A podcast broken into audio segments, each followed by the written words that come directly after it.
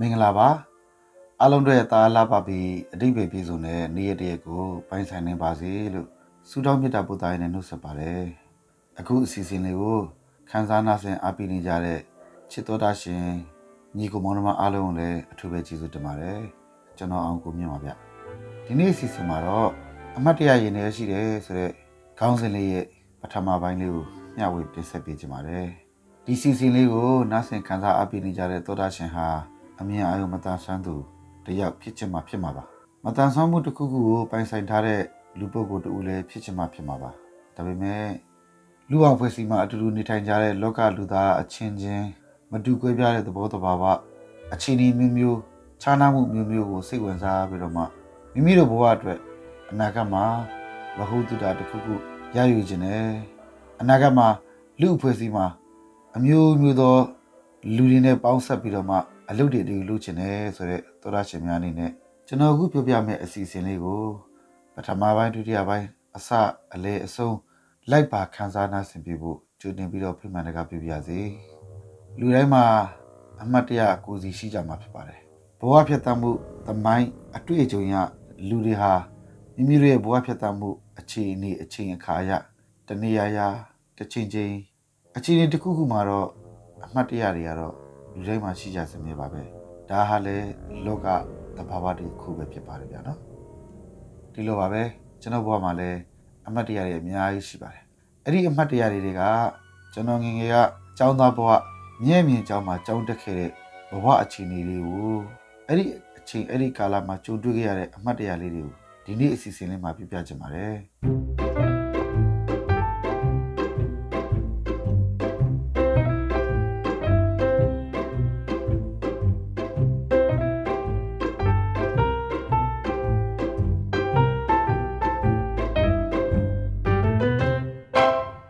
မင်္ဂလာပါရှင်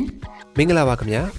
မြန်မာစီနီမာဘလက်တီနယ်ဝက်ကထုတ်လွှင့်တဲ့ရီရီမောမောပေါ့ပေါ့ပပအစီအစဉ်ကနေကြိုဆိုလိုက်ပါတယ်ဒီအစီအစဉ်ကမြန်မာလူမှုနယ်ပယ်မှာမတန်ဆွမ်းမှုအသိပညာတွေညှင့်တင်ပေးနိုင်ဖို့မတန်ဆွမ်းအတိုင်းဝန်ကဖြစ်ရက်ဆုံးကဏ္ဍဆုံးကိုမတူညီတဲ့ရှုထောင့်ပေါင်းစုံကနေလွတ်လပ်ဖွင့်လင်းနေတွေးခေါ်ဆင်ခြင်နိုင်မှုတွေနဲ့မျှဝေလိုကြသူတွေရဲ့အသံတွေကိုပြုစုပြောထောင်ဖော်ထုတ်ပေးနေခြင်းဖြစ်ပါတယ်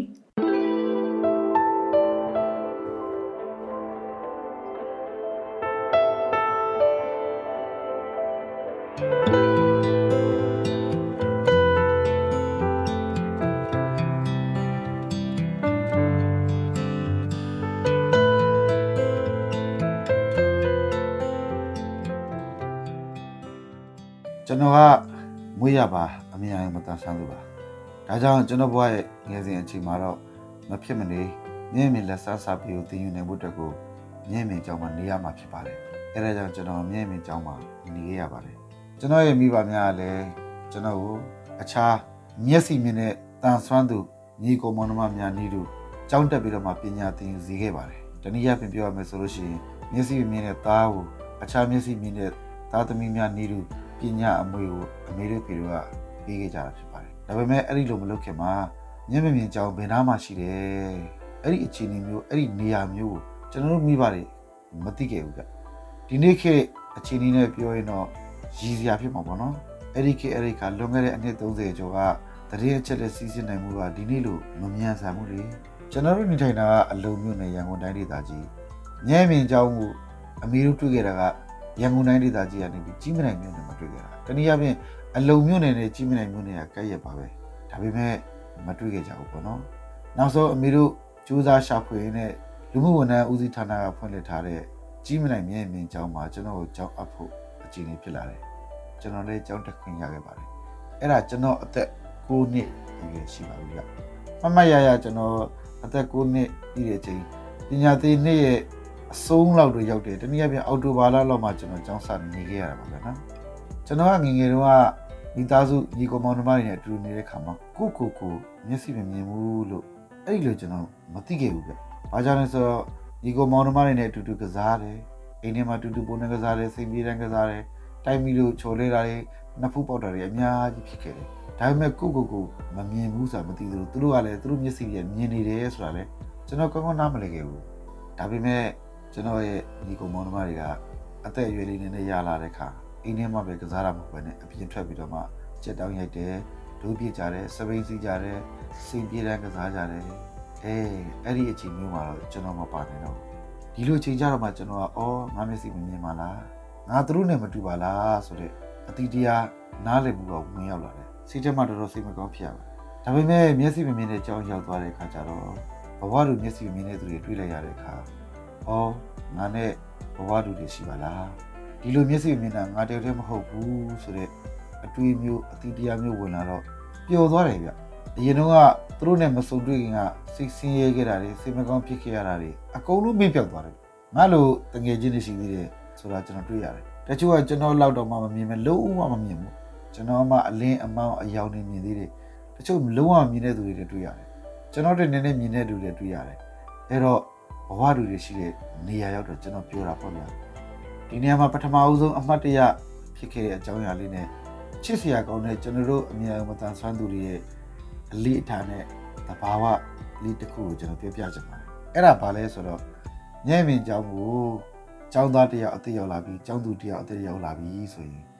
အဲ့ဒီကျောင်းသူဟောင်းကျောင်းသားဟောင်းတွေကဘာလုပ်ကြသလဲဆိုတော့ကျွန်တော်စရောက်သွားတဲ့အချိန်မှာကျောင်းသားလေးကျောင်းသားလေးတွေအားလုံးက အနားလာပြီးတော့မှဝိုင်းပြီးတော့စမ်းကြတာတကိုယ်လုံးကိုစမ်းခေါင်းကိုစမ်းလက်ကိုစမ်းနားကိုစမ်းမျက်လုံးတွေကိုစမ်းပါးတွေကိုစမ်းခြေတော်တွေကိုစမ်းပြီးတော့မှဟာခေါင်းကဘလူးချွန်တယ်လက်ကဘလူးရှိတယ်လက်တံလေးကဘလူးရှိတယ်လက်ချောင်းလေးတွေကဘလူးစသဖြင့်စသဖြင့်တငယ်ချင်းတွေဝိုင်းပြောကြတယ်ထိုနည်းတူပဲညံ့မြင်ကျောင်းသူအသိရောက်လာပြီဆိုလို့ရှိရင်လည်းအဲ့ဒီညံ့မြင်ကျောင်းသူအဟောင်းတွေကသွားပြီးတော့အပေါ်မှာကျွန်တော်ပြောခဲ့တဲ့ကျောင်းသားများလုတ်တယ်နေလူကျောင်းသားဟောင်းများလုတ်တယ်နေလူသူတို့လည်းစမ်းကြတယ်ပြောကြတာပဲအဲ့တော့တစ်ဖက်က စဉ်းစားကြည့်လို့ရှိရင်ကျောင်းသူအတိရောက်လာပြီဆိုရင်ကျောင်းသူဟောင်းတွေရဲ့စမ်းပြီးတော့မှသူတို့ရဲ့ပုံမှန်တဲ့ကိုပြောသမျှကျောင်းသားတွေကကြားရတယ်။ကျောင်းသားတိရောက်လာပြီဆိုလို့ရှိရင်ကျောင်းသားဟောင်းတွေကစမ်းပြီးတော့မှပုံမှန်တဲ့ပြောတာကိုကျောင်းသူတွေကြားရတယ်။ဒါကကြားမှမတူတဲ့သဘော။ကျောင်းသားတွေကတော့ကျောင်းသားအစ်စ်ကိုသိတာပေါ့ဗျာ။ကိုယ်တိုင်စမ်းကြတာဆိုကျောင်းသူအစ်စ်ကလည်းကျောင်းသူအစ်စ်ကိုစမ်းကြတာ။အဲ့ဒါကျွန်တော်တို့မျက်စိမြင်တဲ့သူတွေရဲ့အလေးထားတစ်ခုဖြစ်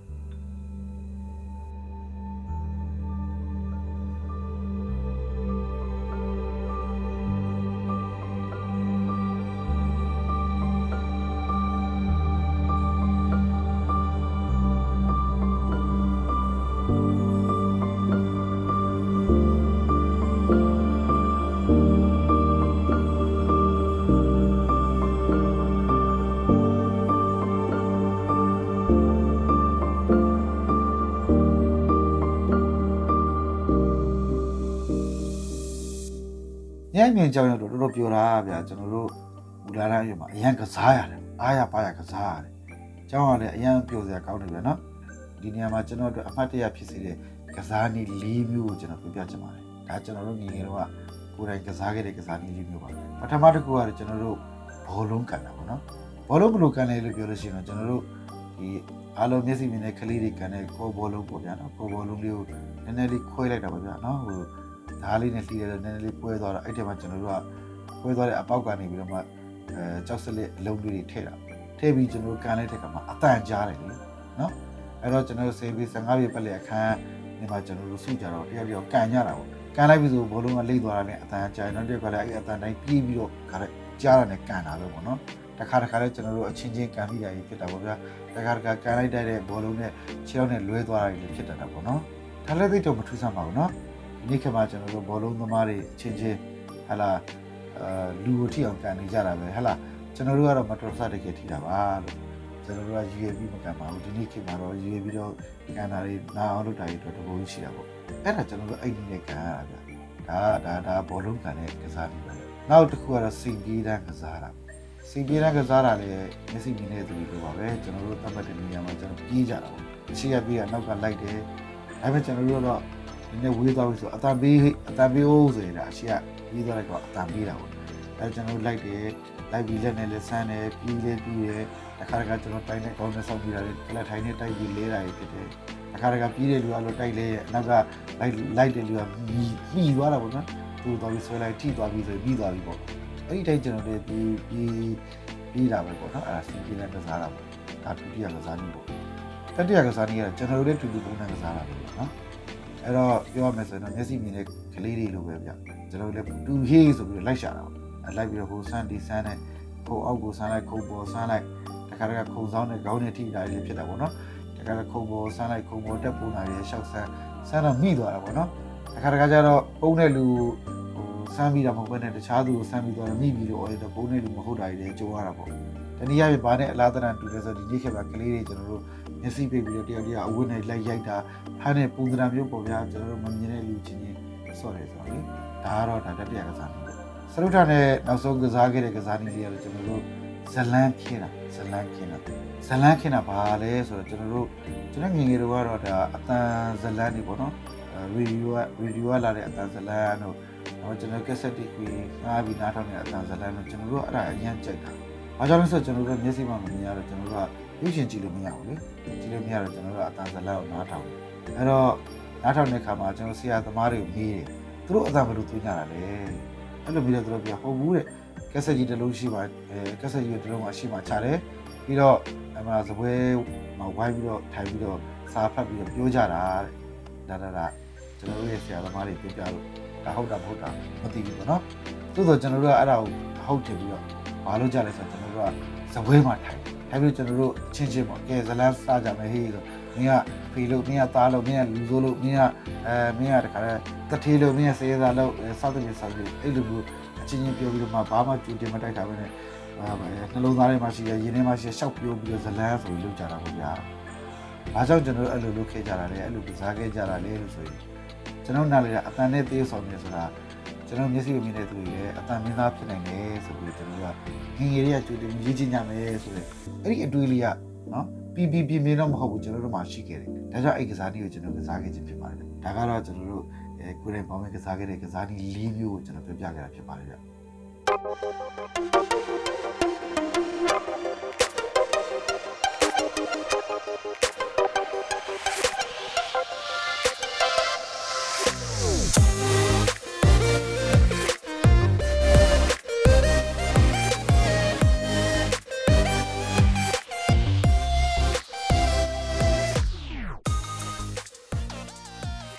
စာသင်ခန်းအတွေ့အကြုံလေးတွေပြောပြချင်ပါသေးတယ်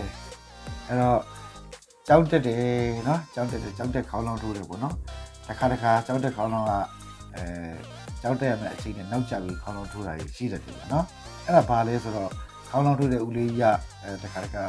ကျောင်းမှာအဲကျောင်းလေးကိုအချိန်အချိန်မရောက်လာတော့ခေါင်းလောင်းထိုးနောက်ကျတာပေါ့ဟာအဲ့ချိန်ဆိုကျွန်တော်အရင်ပြောတာပေါ့ဗျာ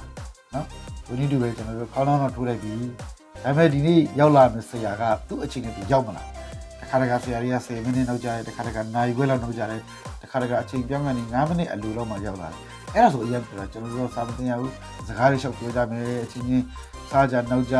အဲအဲ့ဒါဆိုအရင်ပြောတာပဲကျွန်တော်တို့ဟိုနိုင်ချင်းနေဟိုဘက်ကရုံးခန်းဆရာကြီးဆရာမတွေဘာမှမသိဘူးဘာလို့ဆိုရုံးခန်းနဲ့ကျွန်တော်တို့ကြောင်းခန်းနဲ့ဝေးတာဘူး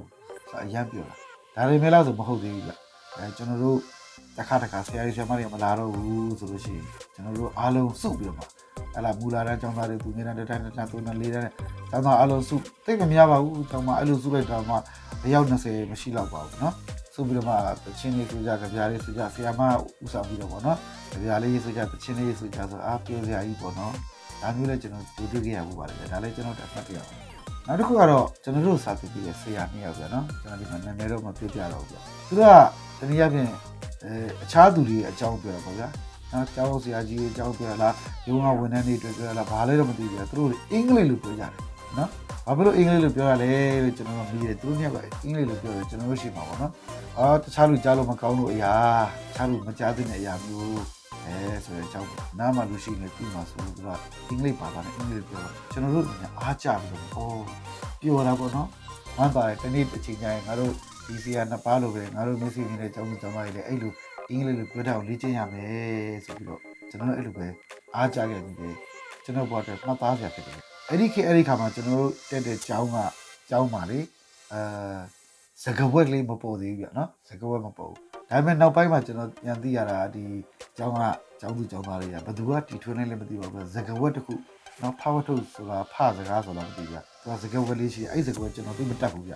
အဲ့လိုထက်ပြီးသူတို့ကအချင်းချင်းအတင်းပြောကြတာပေါ့ဗျနော်အဲ့လိုမှအတင်းပြောရင်မျက်စိမြင်တဲ့လူကအနားလာရင်ကျွန်တော်တို့မသိဘူးလေကျွန်တော်မြန်မာစကားပါရှိနေပြောနောက်ကြည့်ညာပြောအောက်ကြည့်ဟုတ်လားမသိဘူးနော်ဒါပေမဲ့ကျွန်တော်တို့ကနောက်ကလည်းမကြည့်နိုင်ဘူးအောက်ကလည်းကြည့်လို့မမြင်ဘူးလေဒါကြောင့်ကျွန်တော်ကအဲ့ဒီစကားသုံးရတာပေါ့ဗျနော်အဲဒါပေမဲ့အင်္ဂလိပ်စကားကျွမ်းကျင်တဲ့ကျွန်တော်ဆရာနှစ်ပါးကတော့သူတို့ကအင်္ဂလိပ်လိုပြောတာကိုကျွန်တော်အနေနဲ့အားကြခဲ့ရတယ်အဲ့ဒါလည်းအောက်သားဆရာလေးတစ်ခုနောက်တစ်ခုကကျွန်တော် အဲ့ဒီကျောင်းကမူလာတဲ့ပညာပြီးတော့ကျောင်းပြောင်းပြောင်းတော့ကျောင်းပြောင်းသွားပြီပေါ့နော်ကျောင်းပြောင်းသွားဒါပေမဲ့ကျွန်တော်ဘယ်လောက်ပဲကျောင်းပြောင်းသွားကျောင်းသွားအဲ့ကျောင်းကိုကျွန်တော်ဘယ်တော့မှမမေ့ဘူးပြအဲ့ဒါတော့ကျွန်တော်တက်ခဲ့ရတဲ့ကြီးနိုင်ညံ့ညံ့ကျောင်းပေါ့နော်တော့မမီတော့ဗျအခုဒီတတိယတော့မှာအဲတငယ်ချင်းတွေစီသွားလေကျွန်တော်ဟိုဘက်မှာတော့ကျွန်တော်9တန်း10တန်းဖြစ်နေပြီကျွန်တော်ဒီဘက်မှာ4တန်းထိပဲတက်ရတာဟုတ် အဲတငယ်ချင်းတွေစီတစ်ခါတစ်ခါသွားလေညနေပိုင်းတွေသွားလေတစ်ခါတစ်ခါည9:00 9:00ထိ EEC နေတာပေါ့နော်အဲ့လိုနေရချိန်မှာကျဘာလုပ်လဲဆိုသူတို့နဲ့ခေါ်ထုတ်တာပေါ့ကျောင်းမှာစီကန်းလည်းရှိရဗျကျောင်းသူကျောင်းသားတွေည9:00ကျော်10:00ကျော်အပြင်ထွက်လို့မရဘူးဆိုစီကန်းရှိရဗျအဲကျွန်တော်တို့တငယ်ချင်းအုပ်စုတစုပေါ့နော်အဲအဲ့ဒီနေ့မှာဂျူဒီကြရဲ့ဆရာရှိတယ်ဗျအဲ့ဆရာကအဲအိတ်နေတယ်လို့ကျွန်တော်တို့သတင်းကြတော့ဆရာအိတ်နေတယ်ဆိုပြီးတော့အေးအဲ့ဆိုငါတို့အတူတူအဲဒီကနေလက်ဖေးဆိုင်သွားကြမယ်ဆိုပြီးတော့ကျွန်တော်တို့ ကျောင်းရဲ့နောက်ပေါက်ဟိုဥချိုလာမှာနောက်ပေါက်လို့ရှိတယ်နောက်ပေါက်မှာတကားအကျင်းနဲ့တကားအကျင်းလေးရှိတယ်အပေါက်ကျင်းနဲ့အပေါက်ကျင်းလေးရှိတယ်အဲ့ဒီတကားပေါက်ချီချိုပေါက်တည်းနဲ့ကျွန်တော်တို့အတူတူအပင်ချင်းတွေနောက်ရောက်ချောရှိမှတမှာလေအတူတူခိုးထွက်တော့ထပ်ပြီးတော့ဥချိုလမ်းနဲ့လမ်းရှားပြီးတော့လက်ဖေးဆိုင်သွားမယ်ဆိုပြီးတော့အဲ့ဒါအဲ့ဒီခိုးထွက်ပြီးတော့မှချီလန်းလမ်းနဲ့10လောက်ရရှိရရှိတော့ဆရာကနောက်ကနေဟေးကောင်းနေမင်းတို့ပြန်လာခဲ့ဆိုပြီးတော့ဟာပေါ်လီဆရာမိကြီးကျွ န်တော်အဲ့နာမှာဆရာမိတယ်ကျွန်တော်တို့မမြင်တဲ့သူတွေကသိတဲ့အတိုင်းပဲလေအနာမှာဘယ်သူရှိမှလည်းမသိဘူးအဲ့တော့ကိုကိုကိုဟုတ်လာပြီထင်တာပေါ့နော်ကိုကိုကိုလုံလာပြီလေထင်တာပေါ့ဒါပေမဲ့တစ်ခုတော့ရှိတယ်ဗျတစ်ခုတော့ရှိတယ်ဒီနေ့ကျွန်တော်ကကျွန်တော်ကနေသွားညပြန်လုပ်တာဗျအဲ့ကြီးနေနေကြပါလေနော်နေသွားညပြန်လုပ်တာအဲအဲ့တော့ဘာကားစီရလဲဆိုတော့ကျွန်တော်33အဲ့ဘက်တိုင်းက3ကားလို့ခေါ်တယ်ဗျ3ကားဆိုတာကျွန်တော်တို့ဒီ ဟိုချက်ပလက်ကအဟောင်းကြီးပေါ့ဘာမှအဲတော်တော်များလူရေးသိရတော့ဗျာဘိုက်ပူကြီးဘိုက်ပူကားကြီးအရင်နေတာပဲလေအဲကျွန်တော်တို့အိမ်ကနေပြီးတော့အဲ့ဒီကိုဘာမှဆိုရင်တော့မတ်တိုင်ကိုမတ်တိုင်ဆယ်မတ်တိုင်တော့ရှိတယ်ဗျာတစ်ခါတခါသူက eBay ပဲမောင်းတော့ဆိုရင်တနားရီလောက်တော့ကြာရနော်အဲဒါကျွန်တော်အတော်လိုက်ပူတယ်ကျွန်တော်ဦးလေးလိုက်ပူတယ်အဲအဲ့လိုလိုက်ပူတယ်တစ်ခါတခါကျွန်တော်မပြန်ញင်ဘူးဗျကျောင်းမှာအရင်ပြောမပြန်ញင်တော့ အတော်တို့ဦးလေးကိုလာကြည့်ကျွန်တော်ပုံးနေတာအဲပုံးနေတော့ကျွန်တော်မတွေ့ကြဘူးဗျမတွေ့ကြတော့အဲပြီးရမယ်လူကြီးတွေကကျောင်းမှာကျောင်းရဲ့ရုံနာပေါ့ပြီးတော့ပေါ့ပြီးအဲဒီမှာတော့ဒီလိုပေါ့အောင်ကိုမြင်ပြတ်နေတယ်ပေါ့ဟမ်အဲ့လိုပြောတဲ့ခါအဲ့ဒါဆရာကြီးဆရာကြီးဆရာကြီးပြောတဲ့ဒီစကားလေးဒီဒီဒီကျွန်တော်မမြင်ဘူးကြာနော်သူဘာပြောလဲဆိုတော့အဲတခါတခါတဲ့မျက်စိမမြင်တဲ့သူတွေပုံရင်မျက်စိမြင်တဲ့လူတွေလိုက်ရှာလို့မရဘူးဒီစကားလေးပါပဲလို့ကျွန်တော်ဘာကြောင့်ပုံနေဆိုကျွန်တော်ကတော့အိမ်မပြန်ဘူးလို့ကြာအဲ့မှာပြိုနေတာပေါ့ဗျာဒီမှာ ဒါပေမဲ့တခါတခါလဲအဲ့စကားပေါ်မှန်တယ်တခါတခါကြတော့လေခုနလိုပေါ့အဲမိသွားတဲ့ခါလဲမိတတ်ပါတယ်လို့ဒါကတော့ကျွန်တော်တို့ဒီမထားမိတာလည်းဖြစ်မှာပေါ့နော်အဲဒါကြီးကတော့ကျွန်တော်ကြီးမနိုင်တဲ့နေကြောင်းမှာကျောင်းသားပွားနဲ့ကျောင်းတက်ခဲ့တဲ့အခြေအနေလေးကျွန်တော်မမေ့နိုင်တဲ့အကြောင်းအရာလေးတွေပါ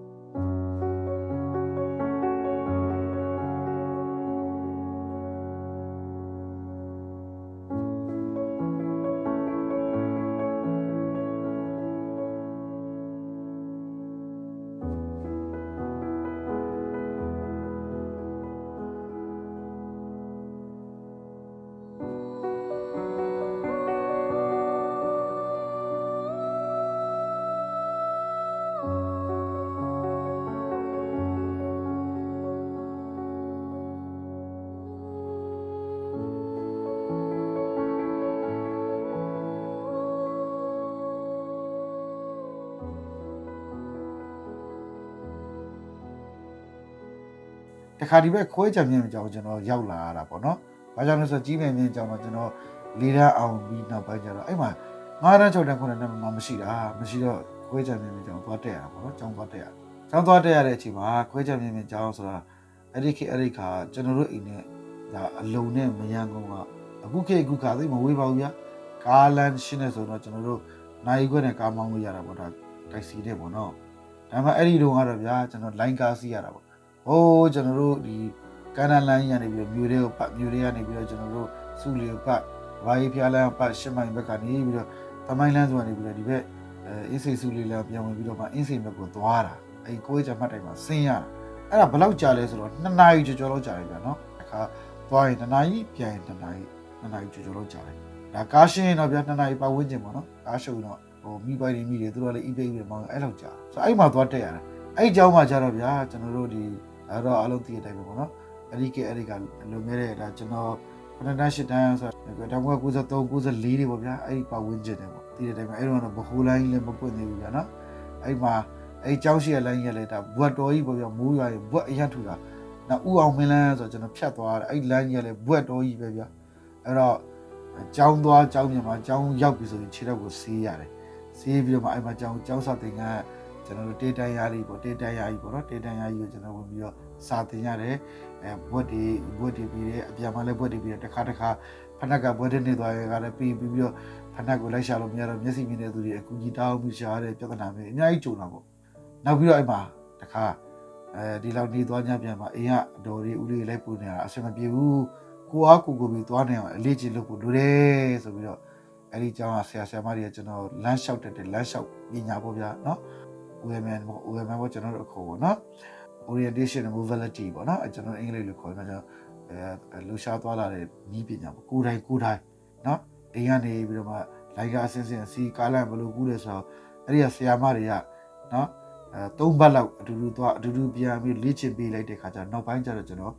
ကိုယ့်ဟာကိုယ်သွားတတ်တယ်ကိုယ့်ဟာကိုယ်လာတတ်တယ်အဲ့ဒီမှာလည်းကျွန်တော်မအတွေ့အကြုံလေးတွေရှိတယ်ဗျမမိနိုင်တာပေါ့နော် ဒီနေ့ကျွန်တော်အဲ့လိုပဲလိုက်ကားစီးပြီးတော့သွားတဲ့အခါမှာကားလန့်ကူးဖို့ကြိုးစားတာပေါ့နော်ကားတွေအရင်ရှောနေတော့အော်လမ်းလျှောက်လာတဲ့တယောက်ကကျွန်တော်တို့ထင်တော့ပါအကူကြီးတယောက်ထင်လို့အကူကြီးကျွန်တော်ကားလန့်လေးကူးပြီးပါဆိုအမလေးအမလေးဆိုပြီးတော့ဒါကျွန်တော်မကူးပြခြင်းလို့အဲရှောင်သွားတဲ့သူတွေလည်းရှိတယ်တခါတခါလိုက်ကားတွေကလာပြီးကျွန်တော်တက်မှာဆိုလို့အာအဲ့မရောက်ဘူးမရောက်ဘူးဆိုပြီးတော့ညာသွားတဲ့ spare ကြီးလည်းရှိတယ်သဘောကောင်းတဲ့ spare ကြီးလည်းတွေ့ဘူးတယ်သဘောကောင်းပြီးတော့မှကားလန့်ကူးပြီးတဲ့ အဲညီကိုကြီးလည်းကျွန်တော်တွေ့ဘူးပါတယ်နော်ပြီးတော့ဟိုကားတိုက်ပြီးလို့ဖြစ်တော့တခါအဲကားလမ်းဖြတ်ကူးတဲ့ခါမှာဒုတ်တော်ပါတယ်ဗျာဒါပေမဲ့ကားတိုက်ပြီးလို့ဖြစ်တော့ကားအနာကွေးရှောင်သွားတာ highlight ကားတွေပေါ့ဗျာနော်အာဆေးသွားတာမမြင်မမြင်ဘူးလားမျက်စိကန်းနေလားဆိုကိုမမြင်တာ तू မသိဘူးနော်အော်ကျွန်တော်ကစဉ်းစားတယ်အော်ငါမမြင်တဲ့လူမမြင်ဘူးလားဆိုတော့ဘယ်လိုဖြစ်ရမှမသိဘူးဆိုတာဒါကြောင်းတက်တဲ့ကာလမှာဒါဂျုံတွေ့ခဲ့ရတဲ့ကျွန်တော်အတွက်မမိနိုင်တဲ့အကြောင်းလေးတွေပါဒါကပထမပိုင်းမှာဒုတိယပိုင်းရဲ့အစီအစဉ်မှာတော့ ညံ့မြင်ကြောင်းနေနဲ့ကျွန်တော်အတူတူဘယ်လိုအလုပ်တွေလုပ်ခဲ့သလဲအဲ့ဒီအလုပ်တွေကကျွန်တော်ပေါ်တဲ့ဘယ်လိုသင်ခန်းစာတွေရစေသလဲနောက်တော့ဒါဆင်အားပေးနေကြတဲ့ညီကိုမောင်နှမတွေအတွက်ဘယ်လိုမျိုးသင်ခန်းစာတွေရစေမလဲဆိုတာကိုတော့နောက်တစ်ပတ်မှာဆက်လက်ပြီးတော့မှခန်းစားနာဆင်အားပေးကြပါအောင်လို့ဖိတ်ခေါ်ရင်းနဲ့ဒီနေ့အစီအစဉ်လေးဒီမှာပဲဆုံးသက်ပါတယ်အစအဆုံးနဲ့ထားပေးကြတဲ့အတွက်အားလုံးကိုအထူးပဲကျေးဇူးတင်ပါတယ်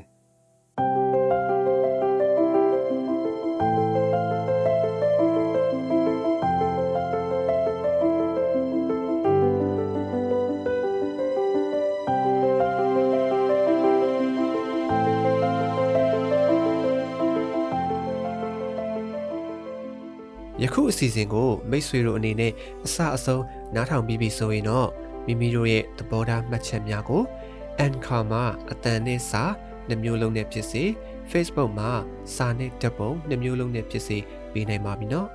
ဒီအစီအစဉ်နဲ့ပတ်သက်ပြီးမိတ်ဆွေတို့ရဲ့မှတ်ချက်ပေးခြင်းအကြံဉာဏ်ပေးခြင်းမေးမြန်းခြင်းတို့ကိုလည်းအထူးပဲဖိတ်ခေါ်ပါရစေမိမိတို့ရဲ့ပူပေါင်းတင်ဆက်မှုအတွက်ဒါမှမဟုတ်စုံစမ်းမေးမြန်းမှုအတွက်စိတ်ဝင်စားတဲ့ဆိုရင်တော့ မြန်မာ cinemaability@gmail.com ဒါမှမဟုတ်တင်ဆက်သူများရဲ့ Viber နံပါတ်များဖြစ်တဲ့ကိုပြည့်39 26 125 6493နဲ့မနွေ39 453939 6335တို့ကိုဆက်သွယ်ဆောင်ရွက်နိုင်ပါတယ်